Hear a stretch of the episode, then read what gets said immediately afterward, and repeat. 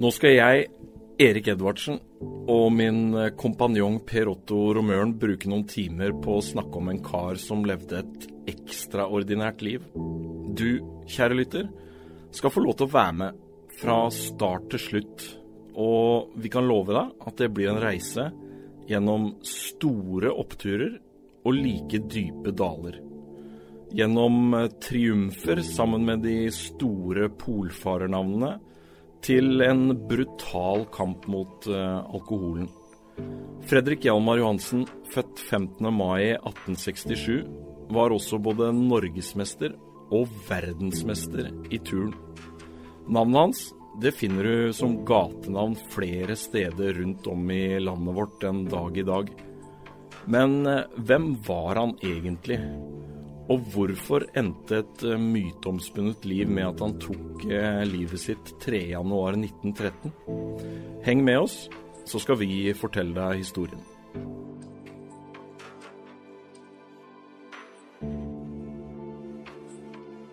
Ja, Per Otto, da sitter vi, da sitter vi her igjen, da. Episode to. Episode to. Vi skal dykke eh, dypere og dypere inn i eh, livet til vår eh, kjære Hjalmar. Ja, hvor vil du egentlig at vi skal begynne i dag? Jeg tenkte jeg tenkte at vi kunne si litt om den samtiden vi er, er rundt 1890-tallet. Mm. Og dette med polarhelter. Ja, for det er Dette er tida for polarheltene, rett og slett? Er det ikke det? Jo. Som vi var inne på i forrige episode, Erik, så dette ishavsimperialismen og sånn, det starter jo med fangst. Mm. Men uh, når vi kommer inn på slutten av 1800-tallet, så har det mye med uh, erobring av landområder og flytting av grenser. Uh, lengst sør, lengst nord. Oppdage land som ingen har sett før. Og i dette dukker da denne polarhelten opp. Og en polarhelt er jo eh, en som på en måte klarer å over, overbevise og overbemanne disse elementene mm. som man har i isødet. Og det kreves jo visse egenskaper. Og noe av det som en, en engelsk polarhelt som heter Shackleton beskriver, det er at noe av det viktigste er fysisk styrke.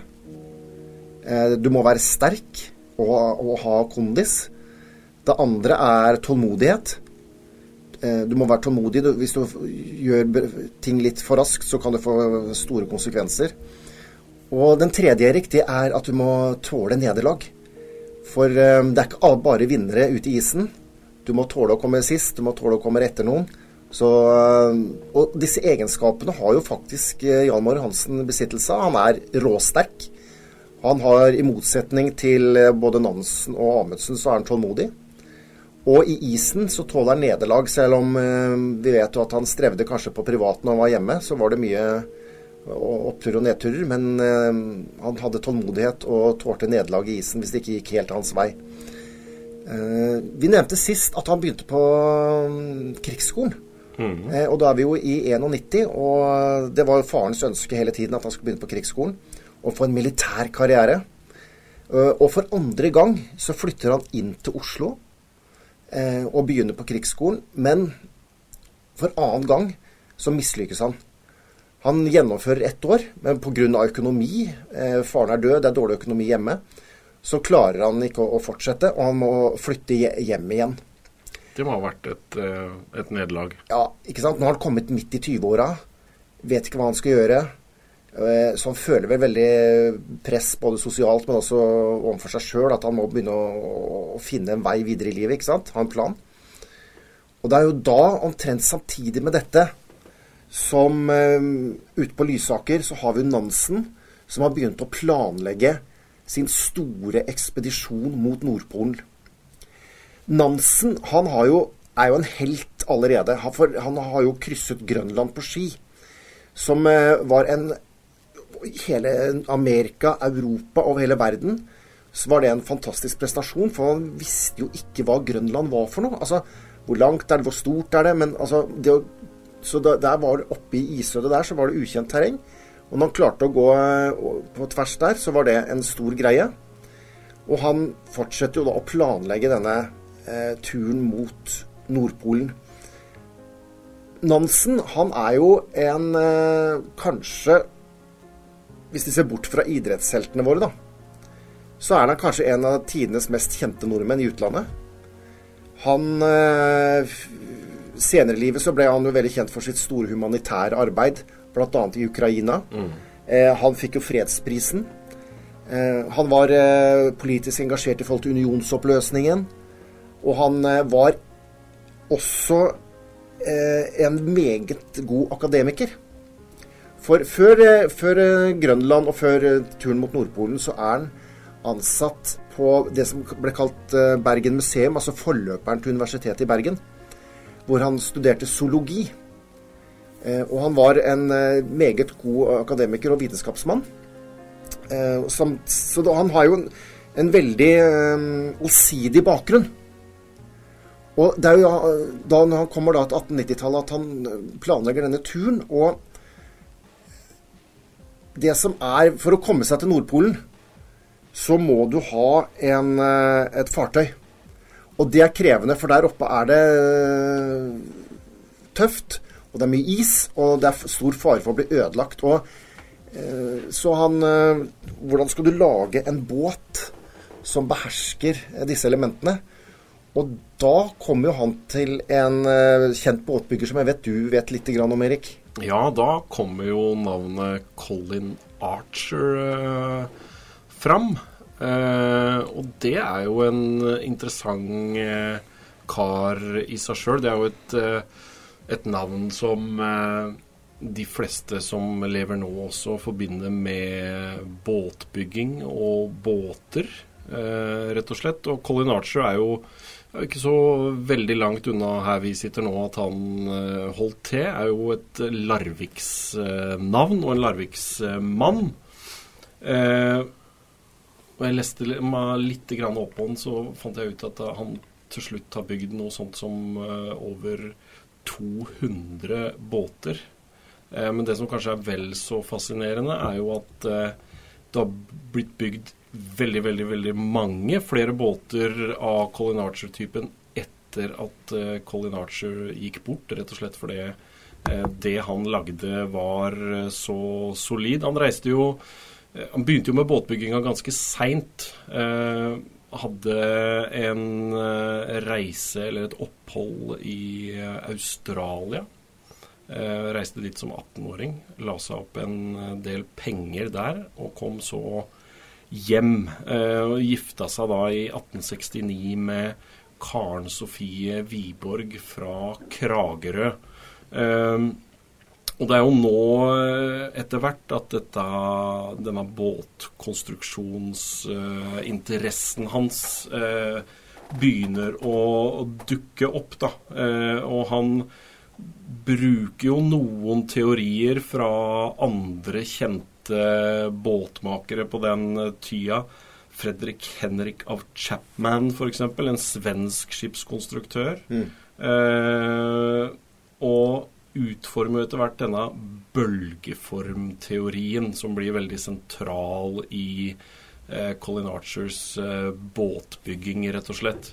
Så bygde sin første seilbåt i 1867, eh, som var en lystbåt eh, for han sjøl. Og så oppskalerer han da etter hvert dette her. Eh, og redningsskøyta er jo kanskje det vi kjenner han aller best for, men da også, som du er innom her, Fram. Ja. og Fram er jo, som du var inne på, en veldig spesiell og veldig viktig konstruksjon, for dette var jo noe som eh, skulle tåle å overvintre i kanskje det mest ugjestmilde havområdet som fins i hele denne verden. Så vi kunne sagt veldig mye mer. Vi kunne, vi kunne laga en egen podkast om uh, Colin Archer uh, og Fram, rett og slett. Men da har dere i hvert fall litt bakgrunn om denne spennende båtbyggeren å, ta, med seg, ta, med seg, videre. Ja.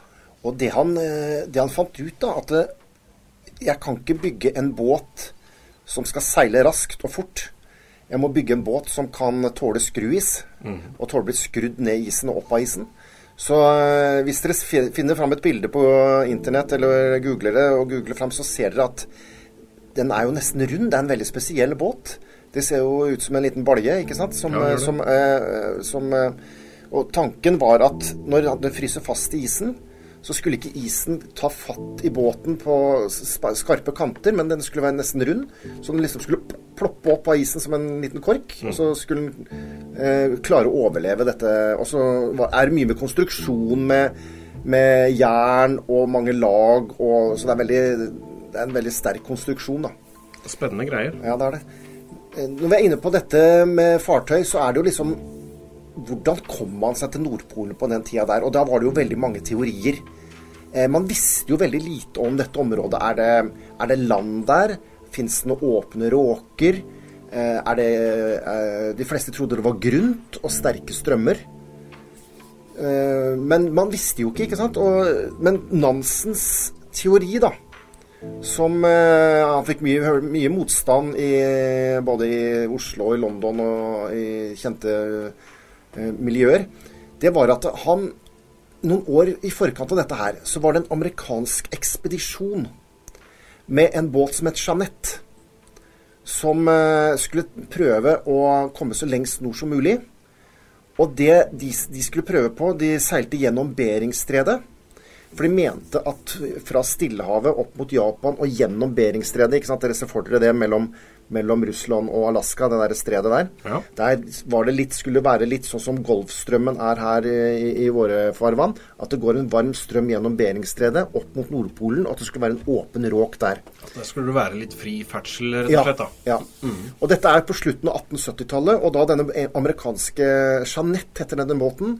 De er vel en par og 30 mann om bord og har med proviant for eh, tre år.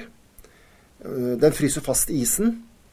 Men den var ikke konstruert for å tåle store ismasser, så den eh, etter å ha drevet riktignok ganske langt, da, så over eh, mot Sibir, altså de nordsibirske øyer, så blir Jeanette knust.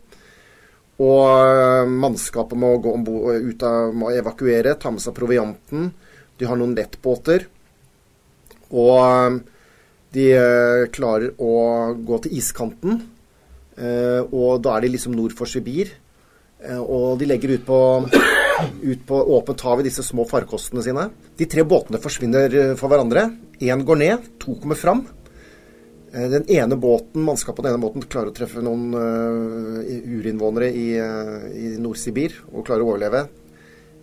Og den andre som, båten som nå lander, i, dør i isen. Men det som skjer videre med vraket til Jeanette, det er interessant. For noen år etterpå så finner noen eskimoer vrakrester på Grønland.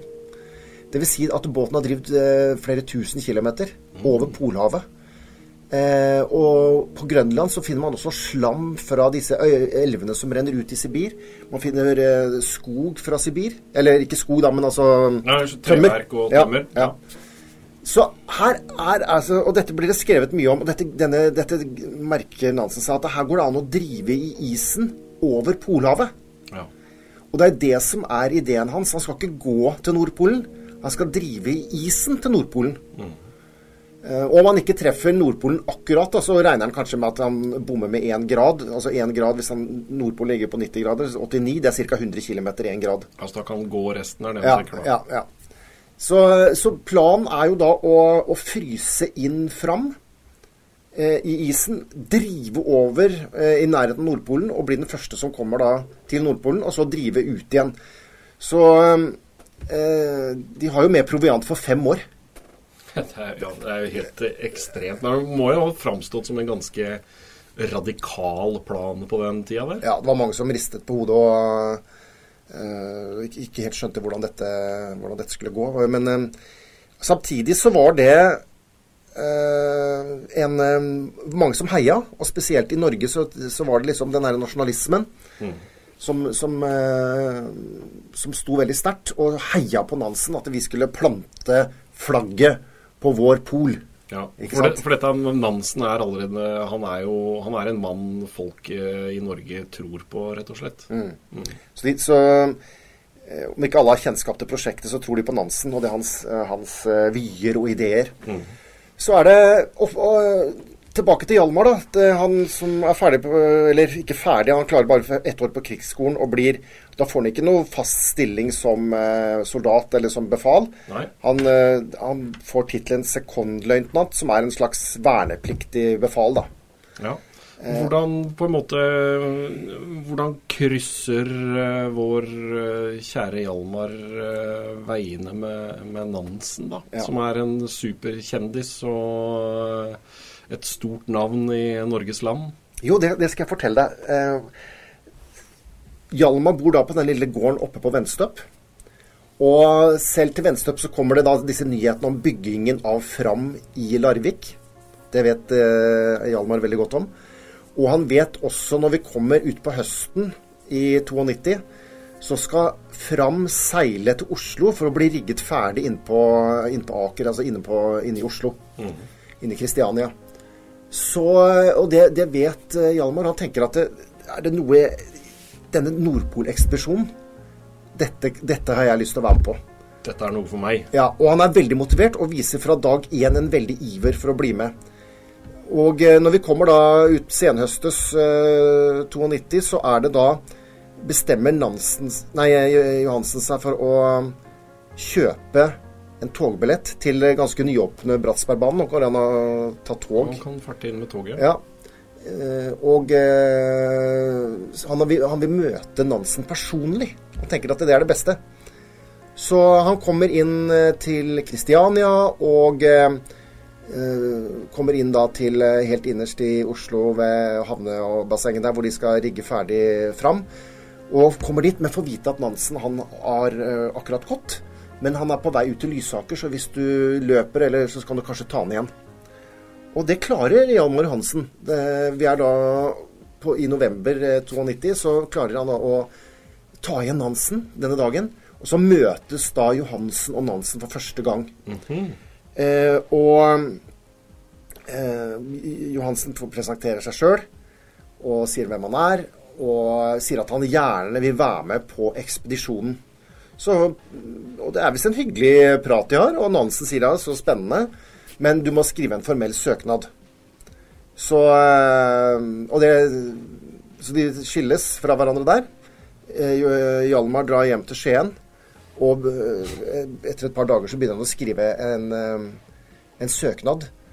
Og eh, den søknaden han skriver til Nansen, den tenker jeg vi skulle høre på, Erik. For den er gjengitt i Ragnar Kvams bok 'Den tredje mannen', en biografi om Hjalmar. Så la oss høre på den søknaden som Hjalmar skrev. Skien 2.12.1892. Her er doktor Fridtjof Nansen som jeg fikk lov til da jeg hadde den ære å treffe dem på veien til deres hjem mandag den 28., tillater jeg meg herved å fremsende andragene om opptagelse blant deltakere i deres forestående ekspedisjon. Jeg tror å kunne gjøre fyllest for meg, enten som proviantforvalter eller som fyrbøter.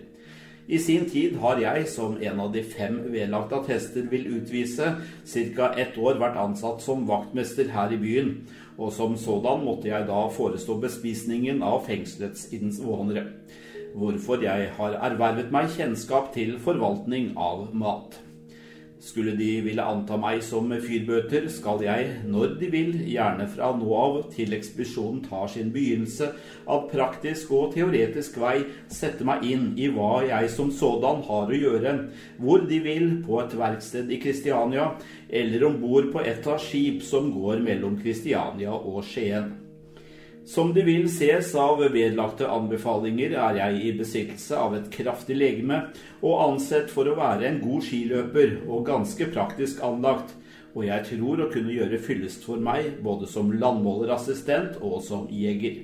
I det jeg til slutt skal tillate meg å opplyse at min alder er nesten 26 år, og i det jeg håper å motta deres ærede svar på dette mitt andragende, tegner jeg med høyaktelse. Ærbødigst Hjalmar Johansen.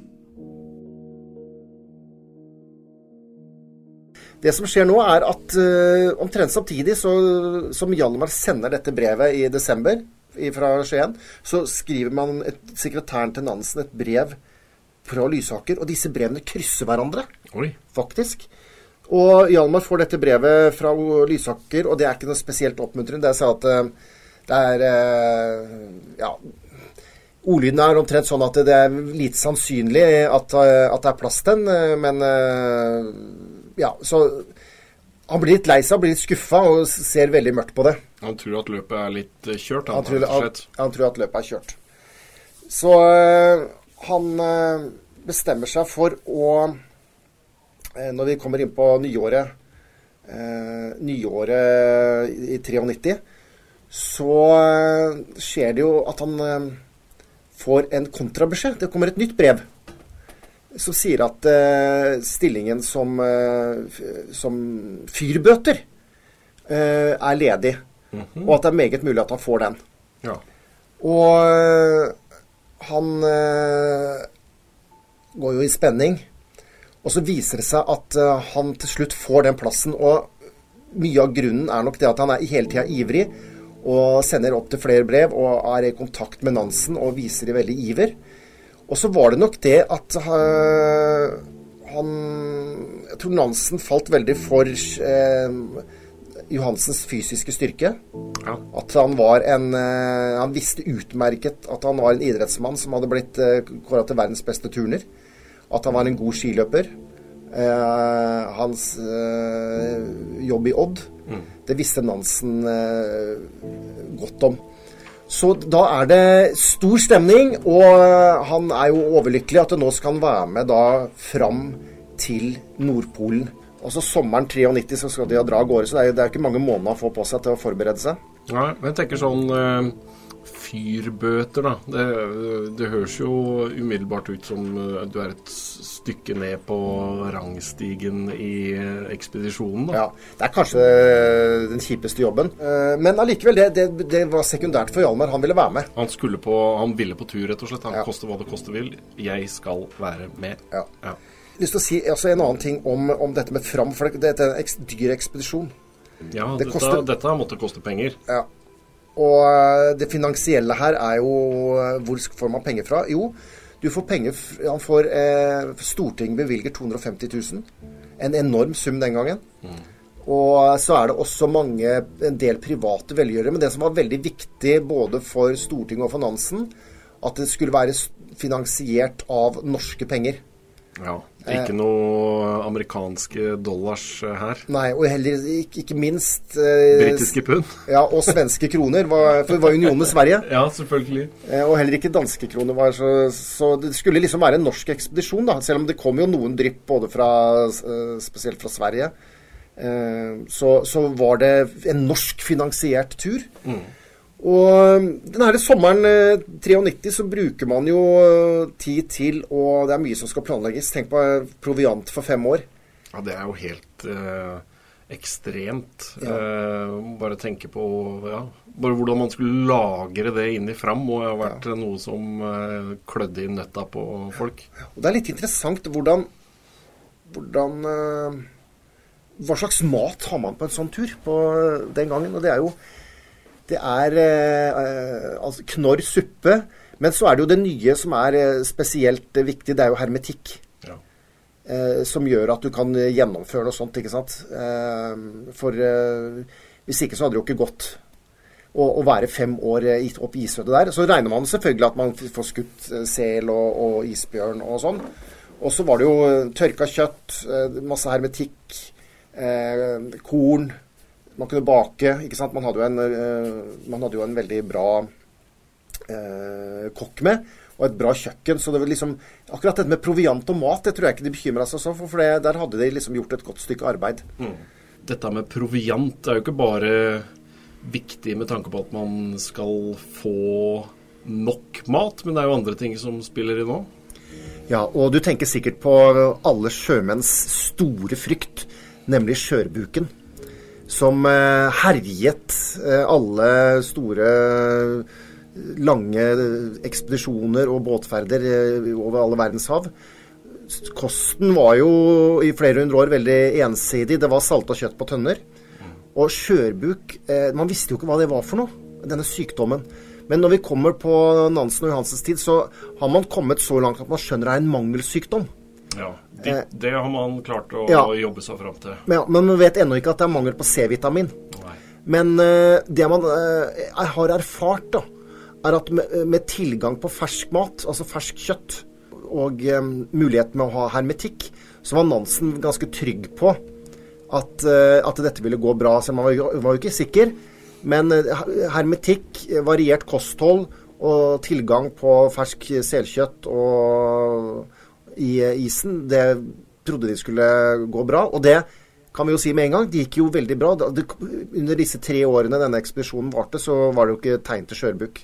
Nei, det er vel nesten litt sånn ja, historisk Ja, det- tak i det òg. Ja, for det, det, det er, var faktisk ganske banebrytende og oppsiktsvekkende i, øh, i akademiske kretser over hele verden. At det, at det gikk an å ligge i isen så lenge uten å få skjørbuk. Så det var også en eh, banebrytende eh, i forhold til kosthold i, i, i maritime miljøer. Mm. Forberedelsene går eh, på høygir. Ja, det eh, går veldig på høygir. Og når vi kommer til sommeren 93, så, jo, så er det på tide å dra. Eh, de må jo komme seg opp i isen ut på høsten for å kunne De skal seile langs norskekysten. Det var faktisk I utgangspunktet så hadde Nansen tenkt å kanskje kjøre Beringstredet, han òg. Da måtte han jo tatt en, en vanvittig lang tur. Ja, det hadde blitt omvei, for å si det mildt. Ja, men, så, men han bestemmer seg for å ta den ruta opp til uh, særlig langs kysten. Det blir jo nesten en signingsferd. De blir jo veldig godt mottatt overalt. De kommer til Vardø. Ja.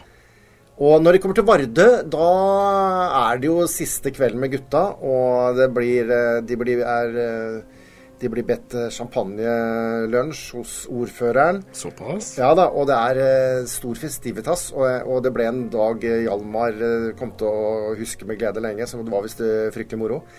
Men det er en liten episode der, når de da legger ut fra, fra Vardø og skal inn i det ukjente, så merker eh, Nansen at det mangler en flaske øl. Altså én flaske øl. Og han får mannskapet opp på dekk og er rasende. Eh, eh, og ingen vil si hvem det er. Men han blir jo Og det, dette er litt av Nansens greie som, som er verdt å ta med. Det er at når vi går inn nå i dette isødet, så, og vi leser av dagbøkene til mannskapet, så vil vi se en Nansen med et veldig mye dårlig humør, sur og lei, og han blir mindre og mindre likt. Aha. Så, så han, eh, han, eh, han var dyktig på mange måter. Men det å kunne omgås og være en av gutta og sånn, det var han egentlig ganske dårlig på. Det har vi mange eksempler på. Så det, det er litt sånn, Han er litt sur og tverr og, og, og grinete. og Han hever seg kanskje over de andre på litt sånn akademisk eh, måte. ikke sant? Han føler at han har, bedre standing, at han kommer fra, be- har bedre ressurser, kommer fra bedre kår. Så det er litt nesa opp i været. Så det er også en side med Nansen som, eh, som kanskje ikke man snakker så mye om, men som er, som, eh, som er et faktum. Denne ølflaska, da, har det noen gang eh, kommet svar på hvem som Nei, Nei, det har jeg ikke klart å finne ut. Eh, Men det var ikke Hjalmar, faktisk. Det, var, det er vi ganske sikre på. Det er vi ganske sikre Ja. på. Mm.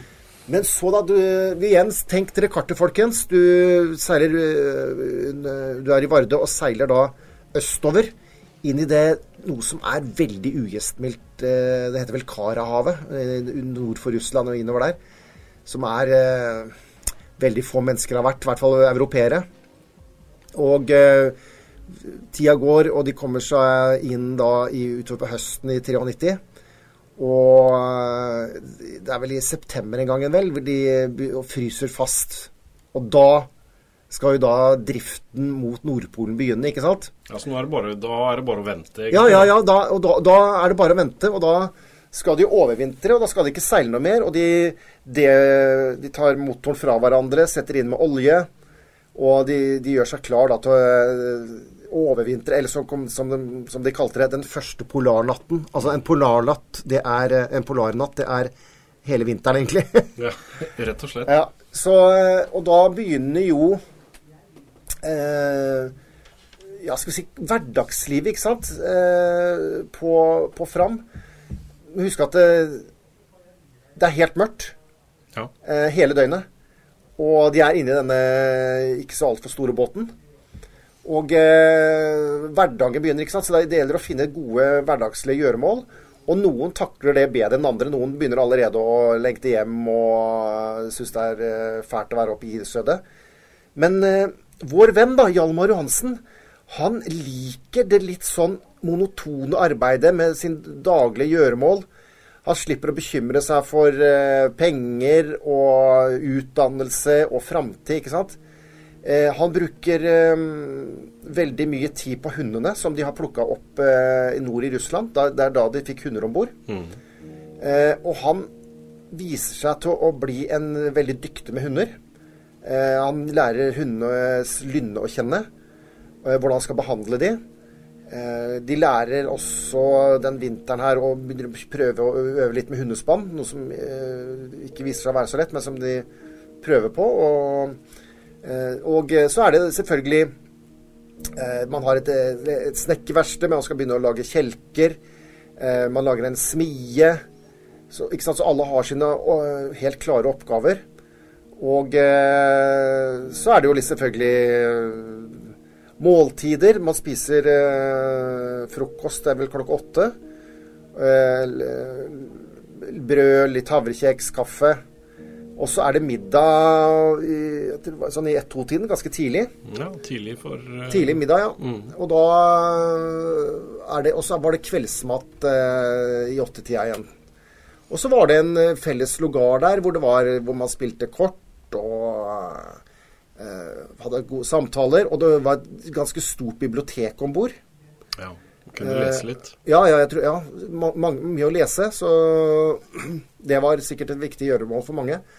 Eh, Når de sitter på kveldene og, og kjeder seg, så var det for noe å ty til sånn rent litterært. Ja, ikke sant. Ja. Men da, rett og slett, eh, nå begynner liksom Hjalmar å, å vise seg kanskje litt fram, og at han får litt betalt for denne tålmodigheten sin. da, At han er en rolig, sindig type, liksom. Ja, Det er helt riktig. Eh, Det er kanskje Hjalmars beste sider som kommer fram. At han, han står på, han klager ikke.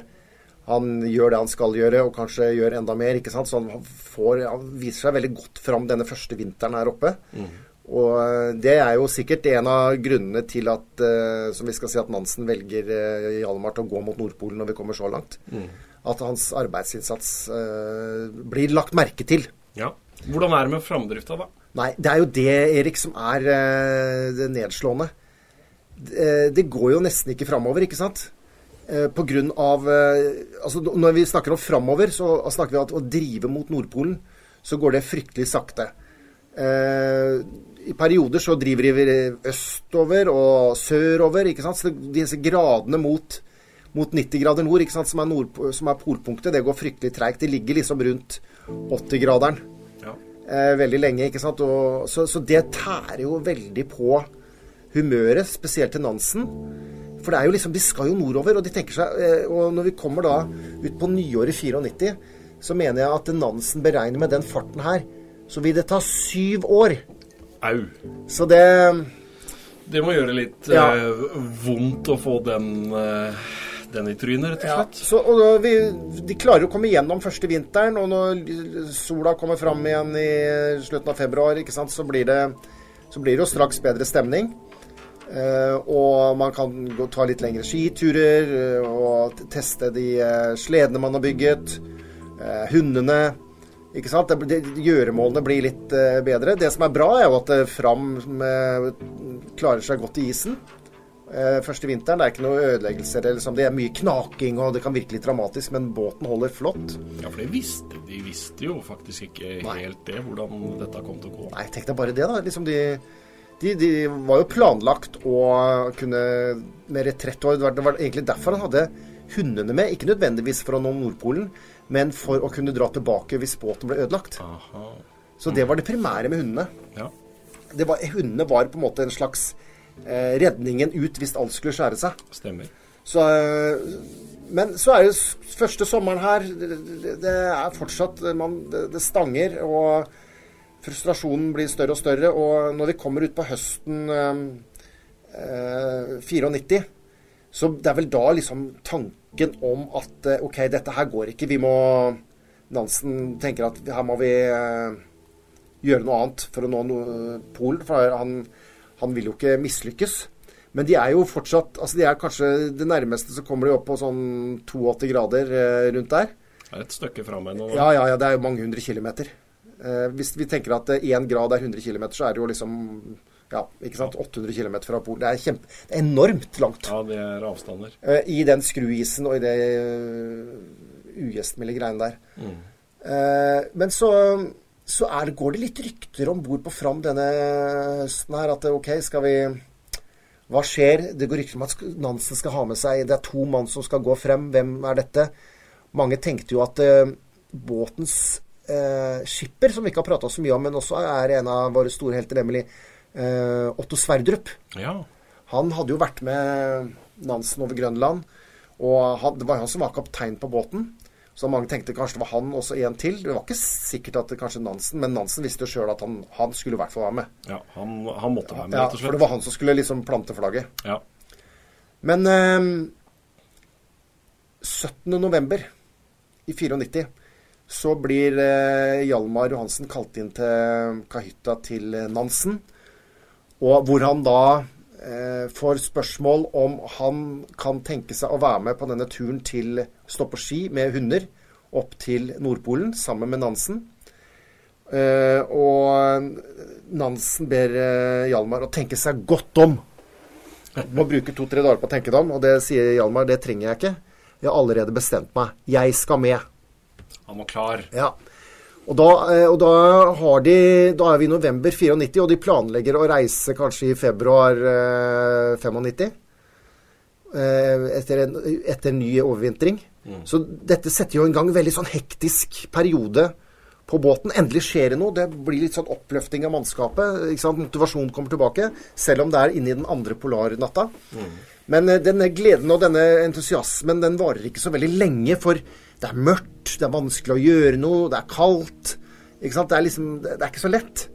Og så eh, Nansen begynner begynner å også bli sur og utålmodig. ikke sant? Han går sikkert og tenkes på hvordan, hvordan skal dette gå, hva er planen?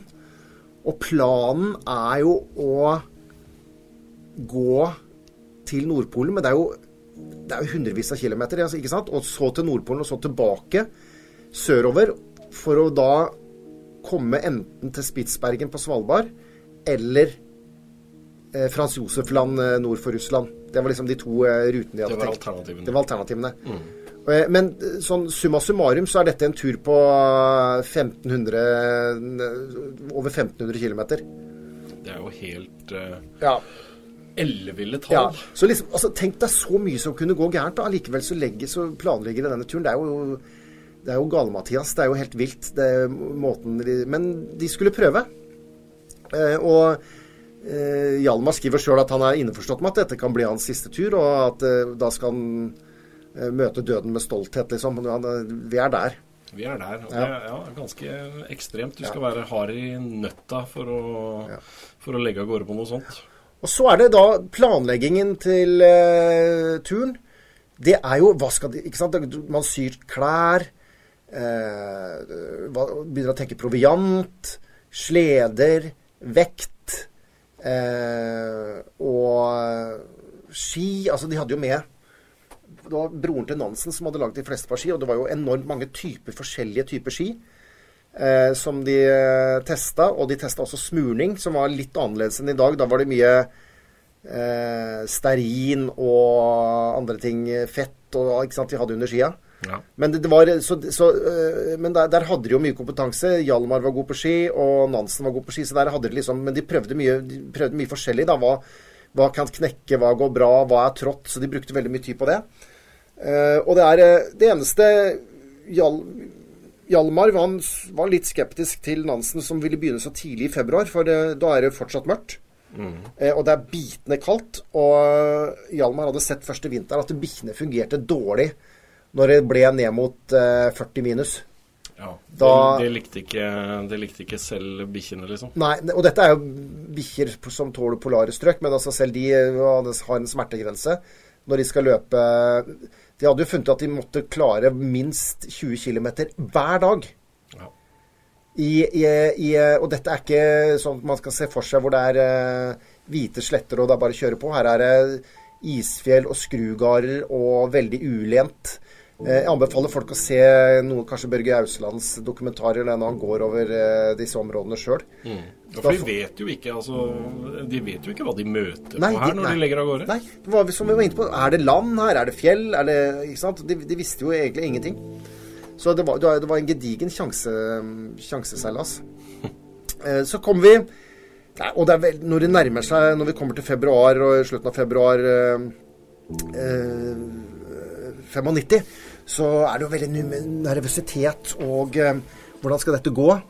Og man kommer til avreisedagen, og eh, man eh, Noen av resten av mannskapet, syv-åtte mann, følger i et stykke. Men det går fryktelig dårlig, dette første forsøket. Sledene er altfor tunge. Det er ikke fremdrift. Så de må snu og dra tilbake. Og bruker en stund på å finne da gjøre, Vi prøver å gjøre sledene litt lettere.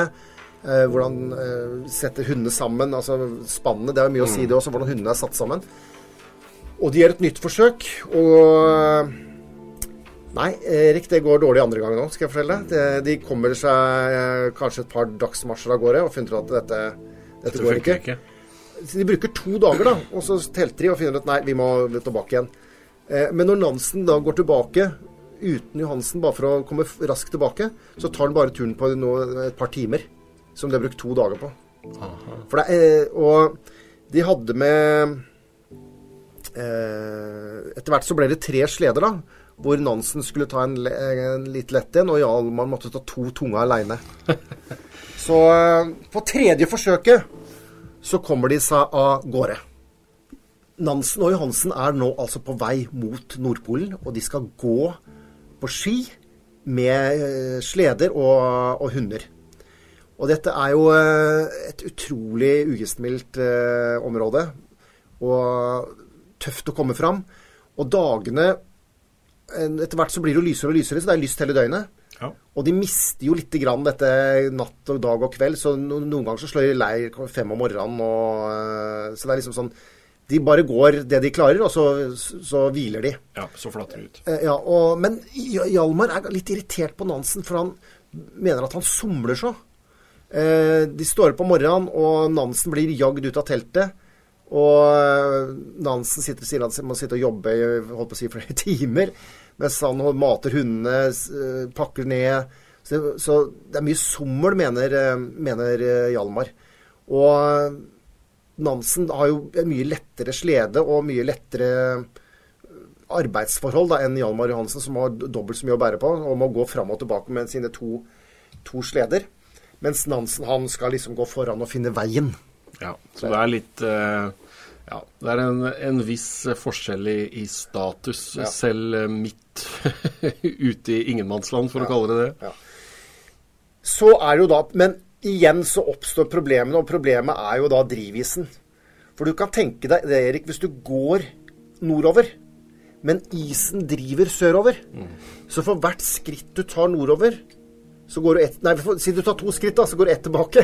Ja, Det må være fryktelig frustrerende. Ja, og det, og det var jo det som skjedde. De, de var, um, isen drev ikke med de, men mot de. Ja. Så, jo, så, turen blir jo nesten dobbelt så lang bare der. Ja.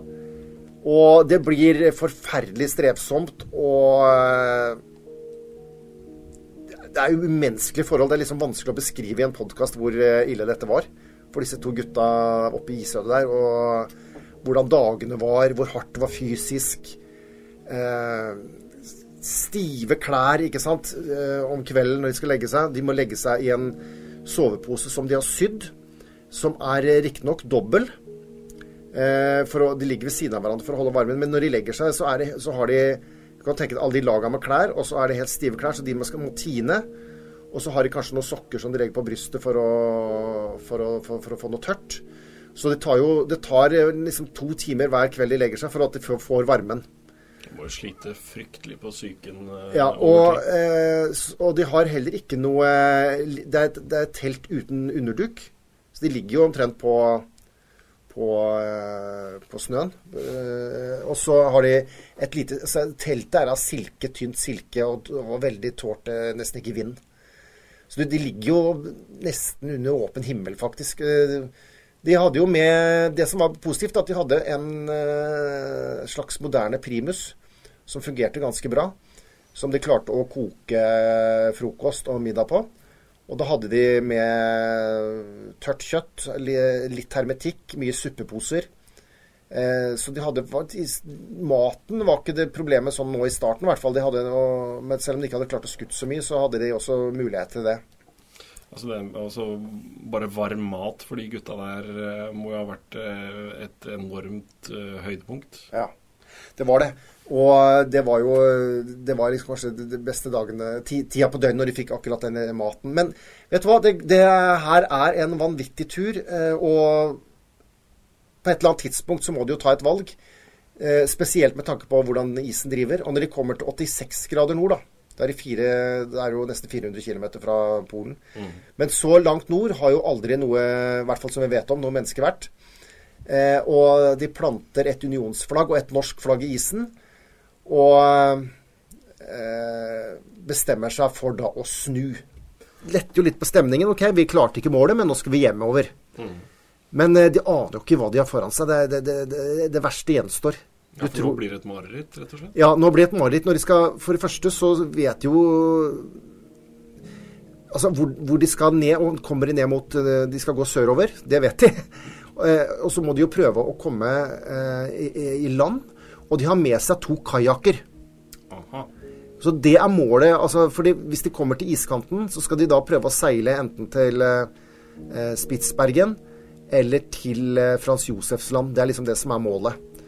Og de begynner å gå tilbake, og i starten så går det Så er det ganske bra fremdrift. Eh, Isen eh, driver jo riktig vei, men etter hvert, tro det eller ei, så begynner jo isen også å drive nordover når de går sørover. Det var ikke det de ville. Nei, så eh, Men nå er det jo også Nå begynner det å bli eh, lite mat. De har jo veldig lite mat til hundene. De begynner å drepe bikkjer for å gi mat til de andre bikkjene, de svakeste.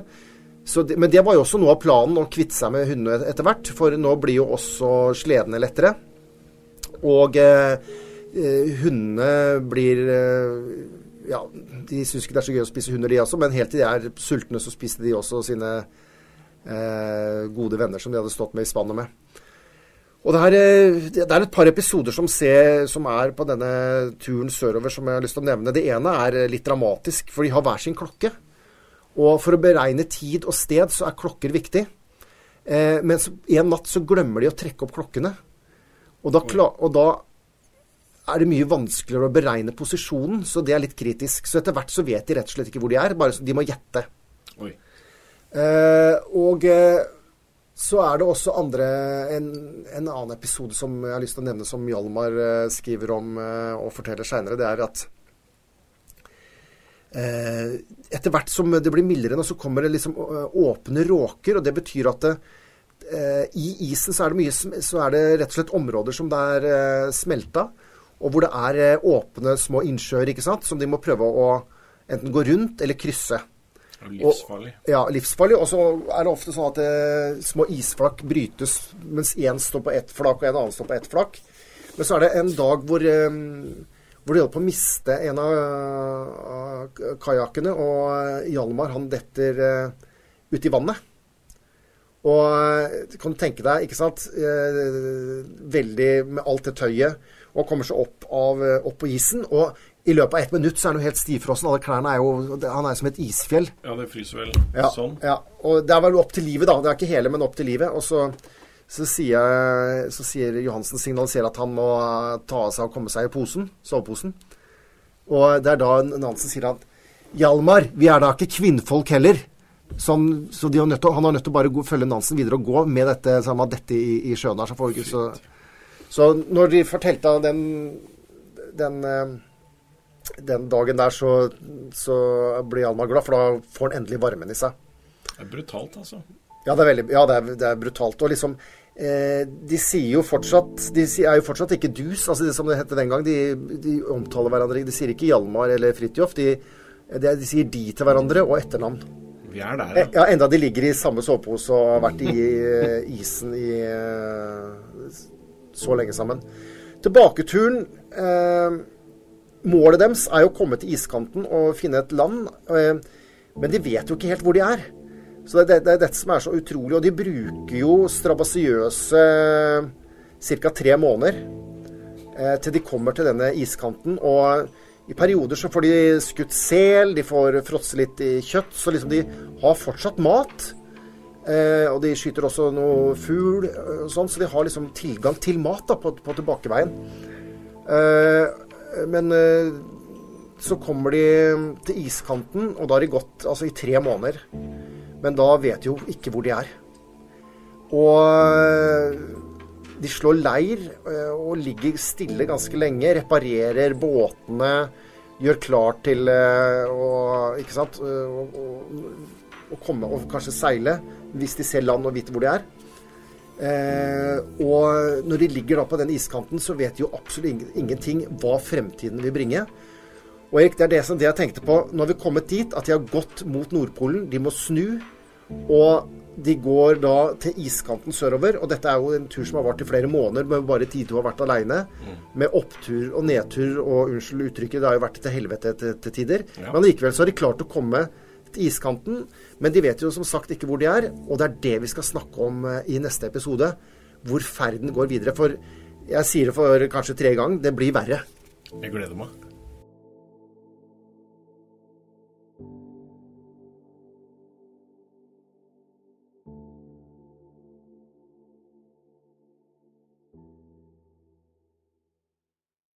Har du et enkeltpersonforetak eller en liten bedrift? Da er du sikkert lei av å høre meg snakke om hvor enkelt det er med kvitteringer og bilag i fiken, så vi eh, gir oss her, vi. Fordi vi liker enkelt. Fiken superenkelt regnskap.